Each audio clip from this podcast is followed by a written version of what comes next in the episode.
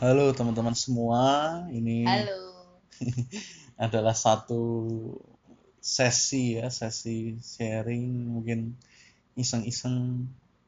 Kenapa Bin kita bikin sesi ini? Hmm, Ya jadi eh, saya dan Andreas eh, pingin bikin suatu sesi di mana kita kayak ngobrol santai atau eh, bincang-bincang bersama ya soal eh, batin karena sebenarnya kalau di rumah kan kita udah sering kan ngobrol Mm-mm. soal batin kan kayak di antara kita sendiri. Nah, terus kita sama-sama berpikir "Ah, gimana ya cara untuk uh, sharing ini ke teman-teman semuanya. Nah, jadi pertama alasannya gitu. Ya, Hmm. jadi ya itu sebenarnya kan obrolan-obrolan yang sebenarnya saya dan Winnie, is- istri saya, selalu obrolkan di rumah. Setiap hari kita selalu berbicara tentang batin, khususnya batin manusia, tapi juga sebenarnya batin semuanya. Human mind atau mind and its manifestation. Jadi batin ini pengertiannya luas sekali.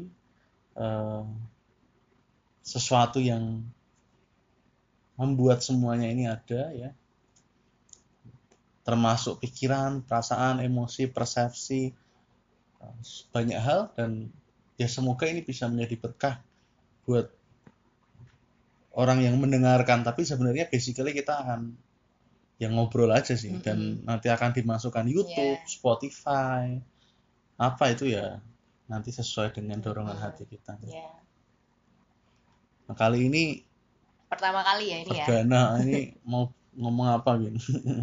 Ini pertama kali mungkin em, ya apa perkenalan dikit kali ya. Kita kayak boleh boleh ini perkenalan kan di channel Andreas gitu kan perkenalan kamu dulu apa aku dulu Hmm, ya, adalah maksudnya.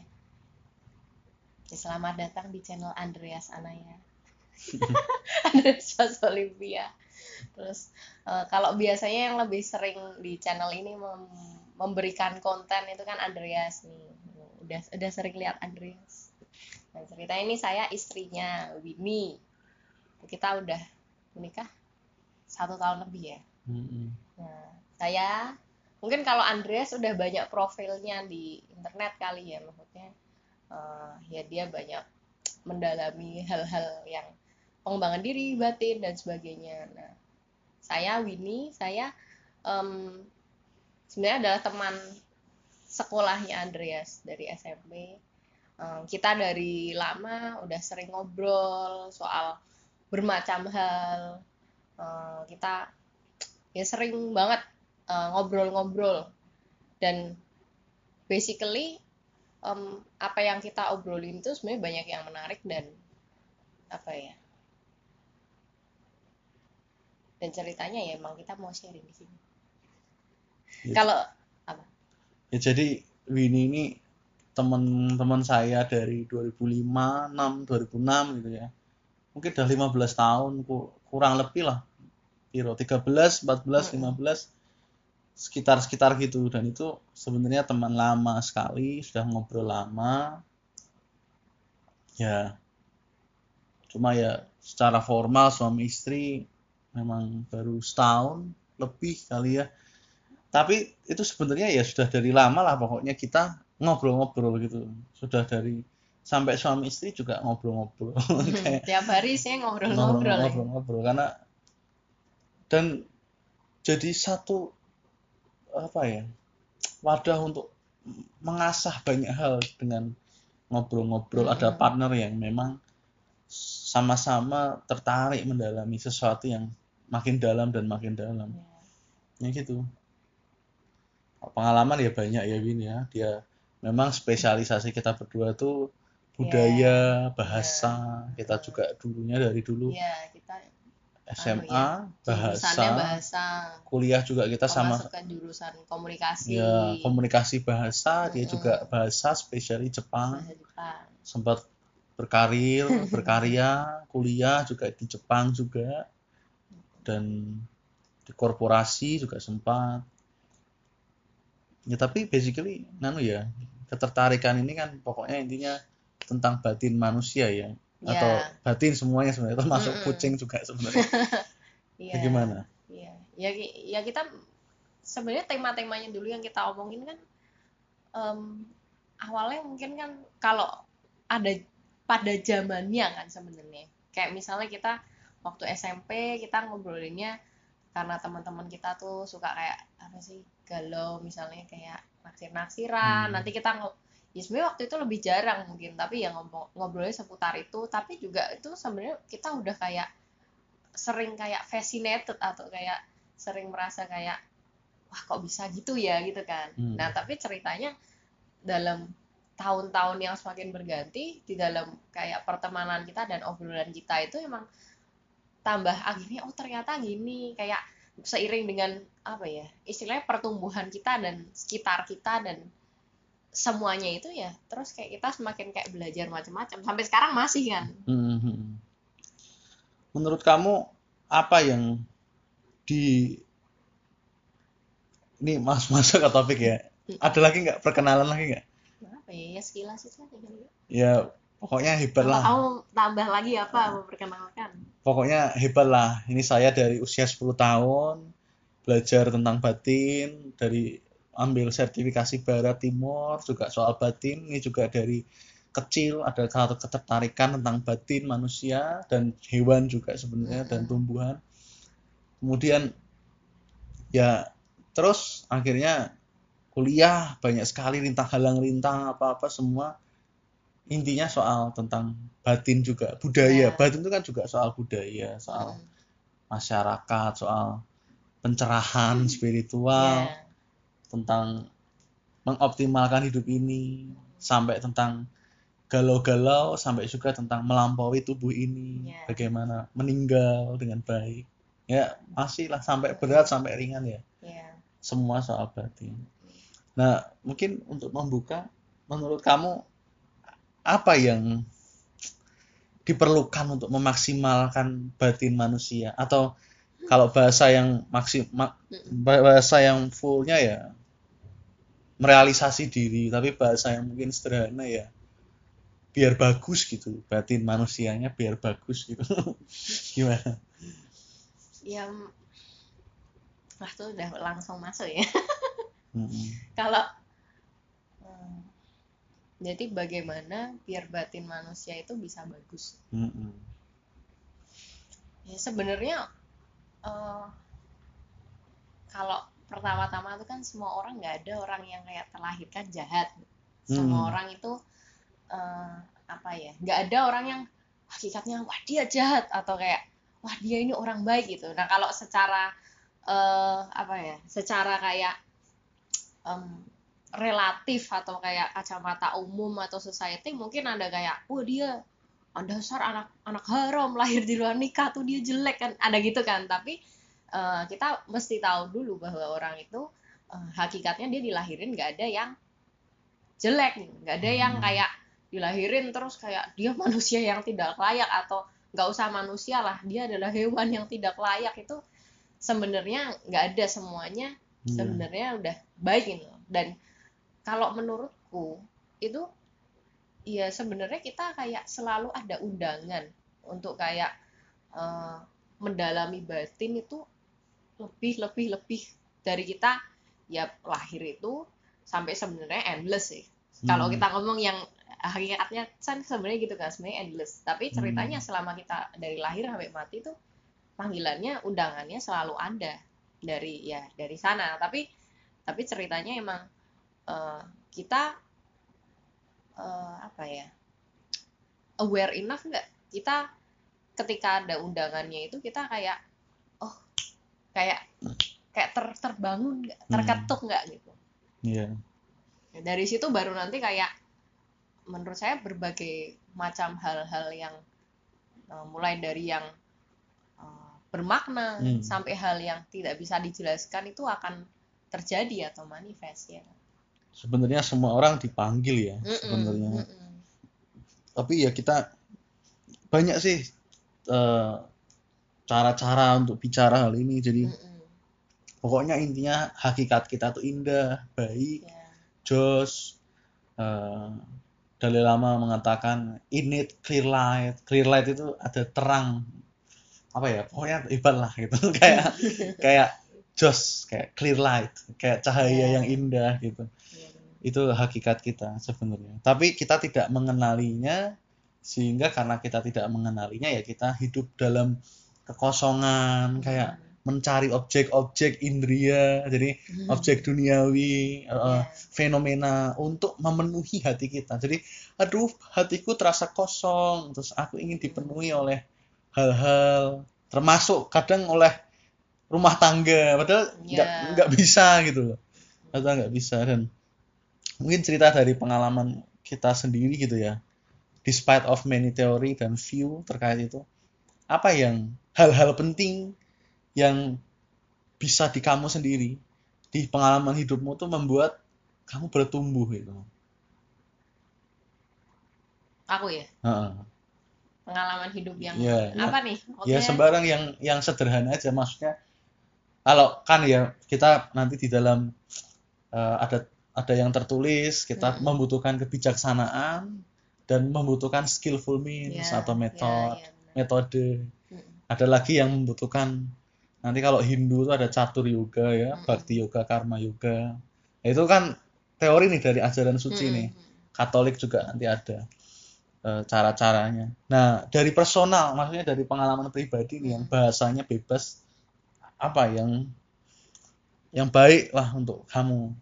Eh, kalau aku sih sebenarnya kayak pengalaman tuh kan silih berganti kan.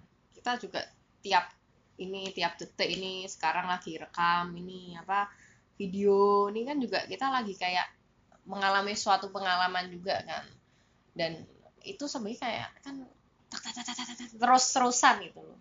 Dan em, sebenarnya dari kayak pengalamannya sendiri kan kadang orang ada yang apa ya maksudnya dia nanti sehari-hari banyak pekerjaan ya kan? Umum orang umumkan kan zaman sekarang mencari uang produktif. Kita harus kayak apa menghidupi kita kita kayak cari uang ini demi keluarga. Apa kan ada itu hal yang umum. Cuma orang itu kadang ketika sikap hatinya sih. Hmm, jadi hmm, kayak eh, menghadapi ya ini kan kerjaan. Eh, ini kan ya gini-gini Hmm, aja gitu loh. Iya. jadi kayak menganggap sesuatu itu kayak nggak bisa digali gitu loh ya iya. ini kan gini-gini aja ya menurutku pertama em, kalau kita ngomong pengalaman itu sebenarnya enaknya kita kayak eh, lihat ke dalam dulu sih sebenarnya daripada kita kayak lihat Iya. keluar terus so- soalnya orang umumnya ketika ditanya pengalaman itu dia larinya ke mencari ke sesuatu pengalaman yang either kayak blissful yang ah ya atau yang hmm gitu padahal sebenarnya pengalaman apa pun itu sebenarnya bisa kita renungkan Hmm, ya. iya kan Betul. Dre Berarti anunya kalau pakai kata kita sering sepakat dengan kata-kata Socrates ya, hidup yang Mm-mm. tidak dikaji, tidak layak dihidupi. Ya. Mm-mm. Unexamined life is not worth living. Gitu kan. Mm-mm. Ya gitu ya. Mm-mm. Mungkin menambahkan, ini bener banget ya bahwa ya itu pertama mengkaji, terus mengkaji mengkaji ke dalam ya, Ya. meng- mengkaji ke dalam. Terus yang kedua adalah kalau saya apresiasi dari Winnie juga dan Andreas juga ya, Mm-mm. itu tuh ada satu keterbukaan hati, Ya. ada satu open mind gitu.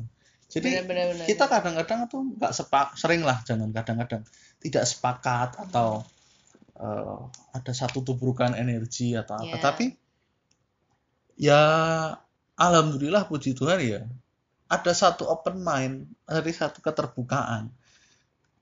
Dan keterbukaan ini tulus gitu loh, tidak kaku gitu. Jadi kayak apa ya eh, makanan tuh kita mau coba gitu kok Hmm. bisa tuh ini kok makan misalnya contoh kecil ya ini kan makanan Jepang eh, Winnie banyak tahu makanan Hmm. India juga aneh-aneh kita Winnie suka cerita ke Andreas bahwa kalau makan tuh jangan kita makan berbasis eh, misal kita makan makanan Jepang terus dari pemikiran kita yang terbatas di Indonesia. Jadi kayak kita bandingkan wah kalau di Indonesia ini ya memang anu ya eh, api asin. Iya.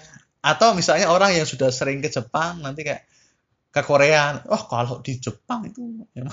Jadi apa-apa kita bandingkan dengan masa lalu Iya. gitu ya. Tapi kita ayo terbuka dengan sesuatu yang fresh yang seger yang present moment ya, nah, nah itu contoh tuh contoh anunya ya Mm-mm. praktisnya ya contoh yang contoh yang sebenarnya ya apa namanya Winnie selalu selalu ini apa terbuka gitu loh kalau ada perbedaan-perbedaan kalau ada satu problematika atau Ya. kalau ada satu ajaran yang baru itu kita open mind selain menggali ke dalam tadi Ya. Kalau menurut aku sih sebenarnya eh kalau apa ya?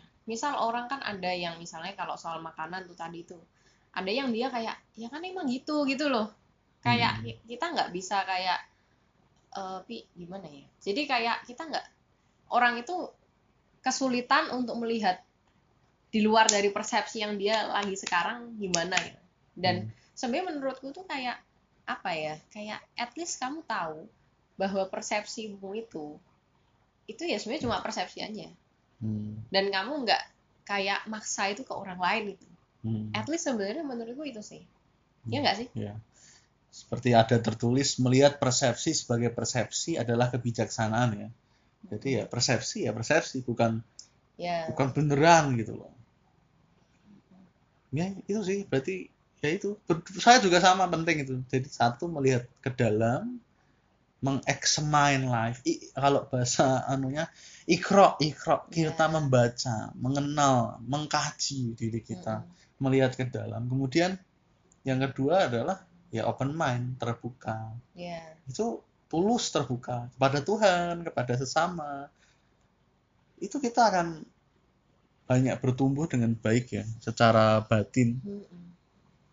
Bagus, bagus. ya Nah, itu. ya kalau menurutku ya emang pertama-tama kita kayak mesti eh, apa ya? Ya istighfar itu loh Hmm, hmm, kalau hmm. bahasanya kayak istighfar bahwa kayak eh, menyadari bahwa semua yang kita kayak rasa bahwa saat ini tuh adalah kayak ini ini tuh ini yang paling bener tuh ini. Hmm, itu tuh juga sebenarnya kayak nanti ganti lagi gitu loh. Hmm, mungkin sekarang kita bisa bilang saya itu suka bakso eh, apa ya yang di gang satu gitu. Terus nanti kalau kita misalnya kalau seandainya ada teknologi untuk membawa kita ke masa lalu kita bilang ke diri kita masa lalu eh bakso yang paling enak itu bakso gang satu. Nanti pasti diri kita akan nggak setuju karena ya kita nggak berada di suatu kondisi yang sama gitu loh. Dan kita sebenarnya nggak nggak pernah berada di kondisi yang sama dari waktu ke waktu. Kita Hmm. mesti kayak menyadari bahwa oh ini juga sekarang ini saya sebenarnya boleh bilang ya ini sekarang yang bagus ini tapi kayak kita menyadari juga bahwa itu sebenarnya juga fleeting atau kayak ganti-ganti ya, ya. Menarik sih. Seru juga kalau dihubungkan dengan kan berarti kan ada satu pertumbuhan batin ketika Mm-mm. kita melihat segala Ya. sesuatu tuh segar, baru, kemudian tidak tidak menggenggam gitu loh, tidak tidak menggenggam erat. Kalau disambungkan ini loh yang menarik ini Winnie dulu perlahan-lahan tidak langsung tapi bisa menangkap satu konsep ini yang saya kira jarang dimengerti oleh orang umum ya. Jadi konsep bahwa kita tuh anu apa semangat ya. Istilah kita sebenarnya swaha. Swaha itu kayak maju terus, Iya. tapi pada saat yang sama semua sudah komplit dan Udah perfect. selesai, udah Sudah perfect. selesai. Nah, ini susah loh.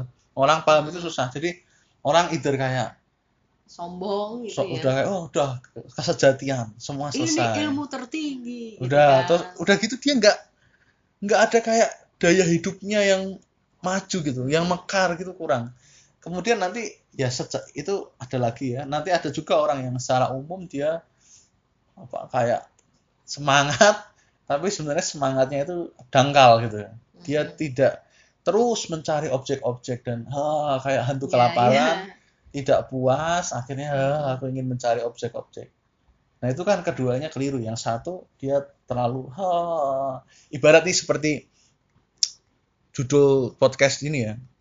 Podcast sefami istri. Jadi dari Rupa tadi bilang ya. Jadi Iya, Sua- malah kita lupa. suami istri. Suami istri itu kan sefami itu tapi bahasa Sanskerta. Suami itu artinya sesuatu yang hening, hakikat diri sejati, hening, kosong, tapi juga penuh potensial. Jadi hening, kosong, suami itu equal dengan kata-kata Shiva. Nah, kalau istri atau istri itu adalah artinya adalah expansion atau perwujudan atau display atau pelebaran Mm-mm. atau ya yang empunya dunia. Jadi kayak apa ya maksudnya itu yang empunya adalah istri itu artinya kayak yang berekspansi. Jadi di dunia ini ada sesuatu hal yang sifatnya itu sejati, pucuk, sempurna. Kemudian ada juga yang sifatnya itu ekspansi atau kayak anu ya, apa istilahnya? kembangan.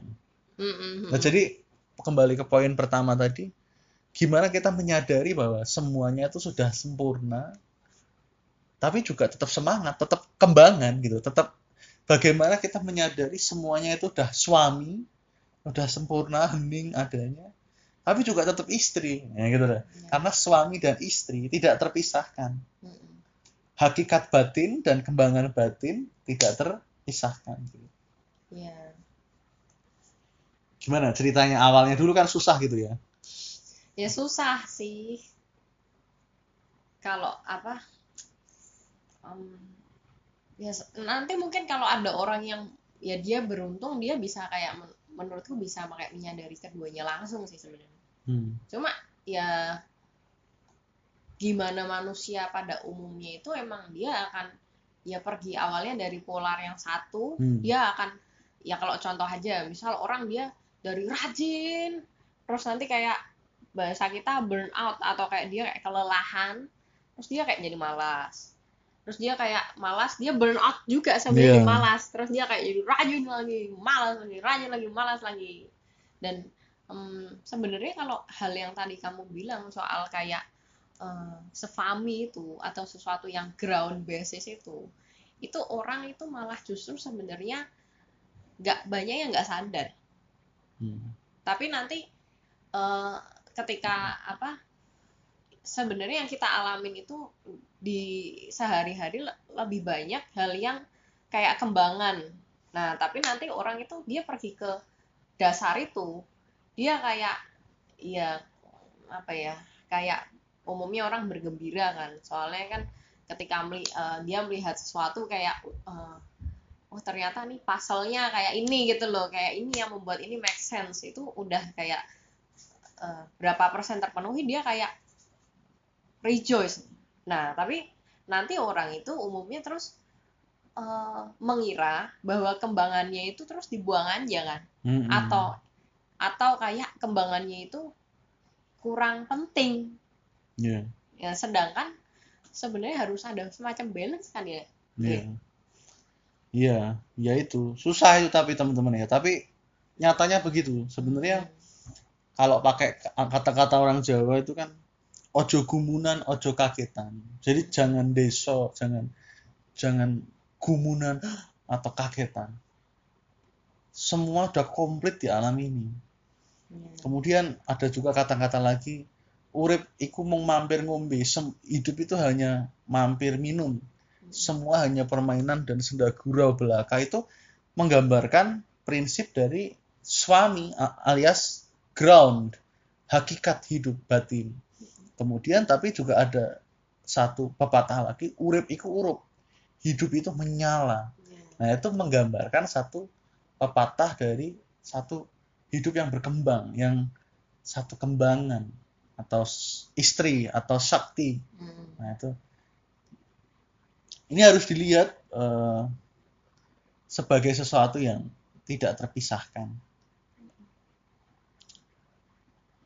Memang sulit ya, tapi Winnie ini lama-lama memang bisa Andreas pun ya dulu Mm-mm. susah gitu gimana kamu?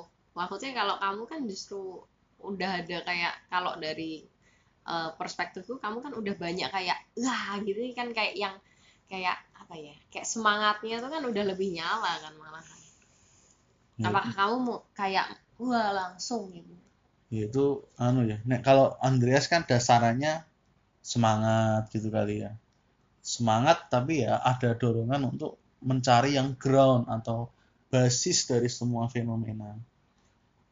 Tentu begitu bertemu dengan hakikat fenomena hakikat batin tadi hakikat kita yang indah dan baik itu tentu ya ya bersyukur gitu.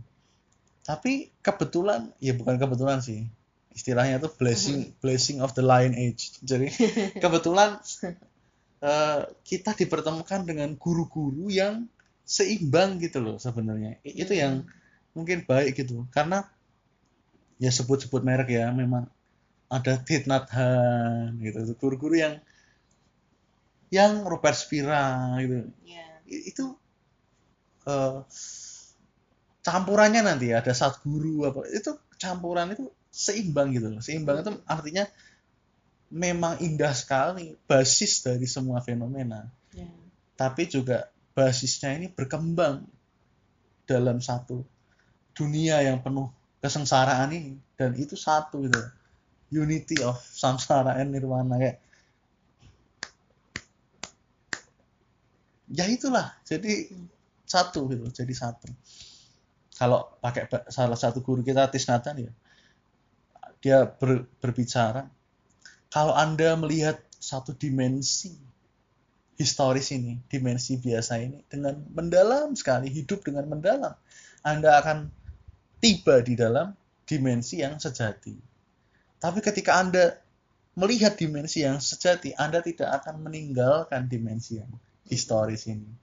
Jadi kayak jadi satu gitu. Itu mungkin ya kita mendapat guru-guru yang yang seimbang plus plus ya kita kurang anu ya apa ya terlalu kuris gitu loh. jadi kayak Iya, kita iya. menggali menggali terus Hmm. bertanya terus gitu ya kalau eh, misalnya nih kalau dari yang orang-orang nonton ini ada yang berpikir kayak apa ya kalau buat Andreas itu kan dari dulu kan aku udah sering melihat bahwa Andreas itu kayak mudah sekali gitu loh untuk melihat mendalam gitu loh kayak dan itu banyak orang yang em, apa ya mereka pada kayak terinspirasi sebenarnya kan kayak kok bisa sih? kayak gitu. Nah kalau misalnya boleh sharing atau kayak contekan sebenarnya melihat mendalam itu gimana sih? Maksudnya caranya atau kayak tipsnya atau kayak rahasianya gitu. Melihat mendalam itu pertama-tama kan tadi seperti Winnie bilang ya tidak tidak melihat tidak kaku gitu dulu. Jadi kita tidak kaku Hmm. tapi kita istirahat santai. Maka teman-teman ya mulai dengan tarik nafas buang nafas. Relax. Itu itu sudah wajib ya. Maksudnya tenang itu sudah nggak usah diomong itu sudah paling penting gitu. Jadi tenang dulu. Kemudian ya contohnya melihat mendalam tuh misalnya remote ya. Kita ada remote. Ki- melihat mendalam tuh bukan kayak oh gitu. Bukan kayak eh gitu tapi kayak santai. Kemudian kita lihat aja. Di dalam remote ini kita lihat dengan rileks gitu loh santai. Kita bisa melihat dengan satu kayak kayak anak kecil gitu ya yang wonder wonderment ya kayak, kayak anak kecil pertama kali masuk museum kayak nah gitu kan. Mm-mm. Ketika kita lihat di remote ini ya ini merek LG ada ada perusahaan LG di sini pasti ya kan? Semangat semangatnya LG kemudian ada ada Korea di situ LG berasal dari Korea. Ada semangat Korea di situ. Ada satu ketelitian di situ karena ini garis-garisnya dibuat dengan teliti kemudian di sini ada tulisannya ada Netflix ada Amazon berarti ada satu kemodernan di situ. Kemudian bisa kita lihat berarti ada satu peradaban modern di situ. Dan ada peradaban modern berarti ada yang mendahulunya peradaban yang lebih kuno. Ada peradaban teknologi ada peradaban manusia yang nanti kelak menciptakan teknologi salah satu satunya remote kita lihat kita rasakan gitu. Kemudian kita lihat berarti ada manusia ada alam. Karena kalau nggak ada alam ya nggak ada manusia. Ada daun tanah tempat Hmm. tinggalnya manusia. Ada Iya. awan hujan sampai kita lihat terus. Ada penciptaan manusia penciptaan pertama sebelum penciptaan. Ada keheningan. Nah itu kita sampai di suami itu. Iya. suami itu adalah ground ada satu basis keheningan yang tidak terkatakan itu tapi dari suami itu tidak berhenti kosong kayak eh gitu enggak ya Iya, iya. tapi ada penciptaan rame dan Iya. ada seluruh kakek nenek kita di peradaban manusia ini demikian menyentuh satu remote kita menyentuh satu peradaban Oke. itu contoh yang paling Iya, gampang iya. ya yang yang Jadi ya jadi kalau apa ya? Kalau mungkin dijelaskan dengan bahasa yang lebih mudah kali ya. Itu kayak melihat kayak suatu hubungan atau korelasi antar kayak semuanya gitu ya sebenarnya ya bahasanya apa tuh ki jenenge berpikir holistik ngono ya. Oh ya, menyeluruh gitu ya. jadi contoh sederhana tuh melihat Winnie juga ada dari orang tuanya, dari Mm-mm. dari sosialnya, kemudian Ya. meskipun saya nggak gitu ya, maksud itu ala ilmuwan. Jadi kayak sisi, sisi antropologisnya, sosiologisnya, biologisnya, kayak gitu. Tapi Iya. saya lebih kayak yang tadi sih. Jadi kayak langsung aja. Iya. Cuma Sebenarnya boleh Sama, kan, tapi kan jangan asal menurut menurutku jangan asal stuck gitu kan. ya, Kayak menurutku kayak nanti akhirnya melihat bahwa semuanya ini kan berhubungan nggak ada yang terpisah heeh. dan eh, kalau orang nanti masih kayak mikir ya ini beda ya Iya, beda tuh mungkin iya. in the sense of ya iya dong air sama api beda dong Iya. beda di karakteristiknya Hmm. tapi ya emang kita bisa bilang bahwa eh, kalau suatu hal itu dihilangkan itu tuh nanti yang lain juga hilang juga sebenarnya iya kan Iya. jadi kayak ada suatu kayak gambaran besar kita nggak Iya. lihat yang di kayak apa ya kayak mungkin kita kan asalnya dari Semarang terus kita melihat bahwa Iya. ya kota Semarang itu ya ya kita kita ini ya kayak udah kayak apa ya eh, Iya. eh, puncaknya itu udah di Iya. sini gitu loh padahal kalau nanti sering ada postingan-postingan di internet tuh kayak nanti pernah lihat nggak sih yang ini bumi terus ini matahari terus kayak ini planet apa itu yang kode-kodenya macam-macam tuh kayak terus ya ini dunia itu eh, sangat amat luas apalagi kayak cuma misalnya satu kota kecil gitu. Iya, iya. dan ya emang mungkin ada suatu kadang orang kayaknya ada ketakutan ya tapi Andre iya. ya untuk kayak Iya. maksudnya explore ke situ kayak "Oh, saya takut gitu Ya, melihat open mind itu sebenarnya juga melibatkan rasa kita. Kami berdua sering berpraktek hal ini ketika makan ya. Jadi itu makan itu. Makan itu kan nggak dipikir-pikir gitu. Bukan kayak ini secara antropologis berasal dari tipe eh, spesies yang ini. Itu bukan gitu makanya. Tapi kayak dirasain gitu loh. Kayak makan itu kita rasakan. Memang gak usah kita pikir-pikir. Wah ada tanah ada padi. Ya itu awal-awalnya mungkin boleh tapi kita rasain aja bahwa memang di nasi kita ada padi ada tanah ya ya. ada matahari. Kita kita rasain aja. Kayak minum kayak apa ya ya? Dalam- merekam video. merekam video ada satu. Ada satu peradaban teknologi Hmm. yang paling misalnya kita rasakan di tisu ya juga. Pasti ada benang-benangnya jelas tuh ya ada benang-benangnya serat-serat ada kayu serat kayu tanaman tanah matahari itu membawa kita satu keterbukaan yang Hmm. yang cukup baik. Ya, memang menarik sih. Dan Ya. ya mungkin tema obrolan kali ini itu ya tentang batin, eksplorasi batin dan luasnya batin itu Iya. melihat satu keluasan. Melihat batin secara menyeluruh. Ya, itu ya. Itu eh, ya tuh luas Ya. memang me- luar biasa sih. Tapi sebenarnya ini bukan hal yang untuk dipikir-pikir kan ya sebenarnya. Ini kan kayak eh, menuntut pengalaman kita langsung kan. Bukan Iya. bukan. Ya bisa di, logik logik itu bisa tapi saya sarankan logik itu kayak lebih jadi kayak ya tapi tiap orang beda-beda ya tapi saya sarankan itu kayak jadi alat aja alat. Yang penting itu pengalaman langsung itu loh jadi pengalaman langsung tuh ya nafas kita. Ada satu pengalaman langsung bahwa ini tuh nafas yang mengalir gitu loh iya toh mosok nafas adalah nafasku nafasku nafasku mana nafas tuh nggak bisa dipegang Iya, nafas tuh udara yang mengalir. Pengalaman-pengalaman langsung ini kita hayati akan me- mengurai satu tendensi kita yang kaku itu. ya Akhirnya kita akan menemukan sesuatu hakikat kita yang mantap, pelan-pelan. Tapi kalau semakin ketemu semakin bersyukur ya, luar Hmm, biasa. hmm.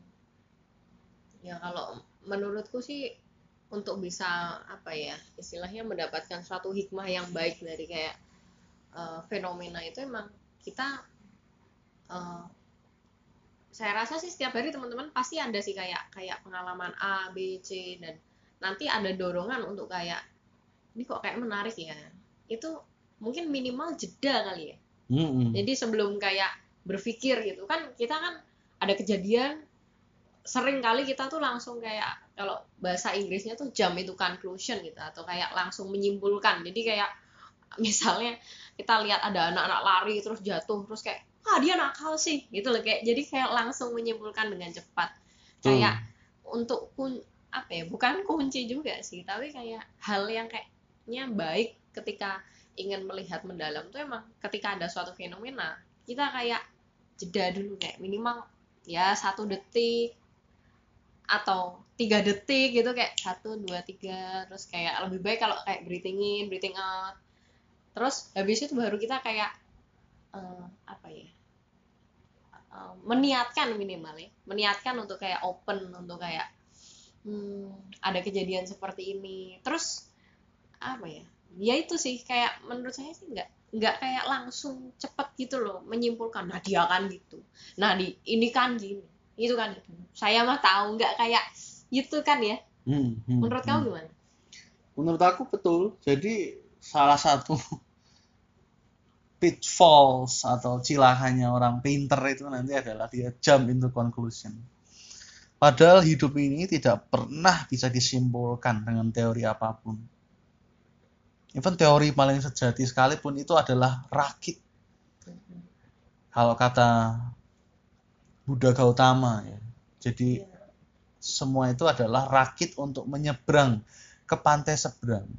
Ketika sudah sampai pantai seberang, itu tuh cuma alat bantu. Jadi nggak bisa diteorikan itu nggak bisa. Oh hidup ini bolehlah membuat teori untuk kepentingan pendidikan, tapi aslinya hidup ini loh, ini loh aslinya apa? Aslinya nih nggak ada itu. Ya ya udah sesuatu yang seperti bunga mekar, Mm-mm. air mengalir, ya kan? Iya.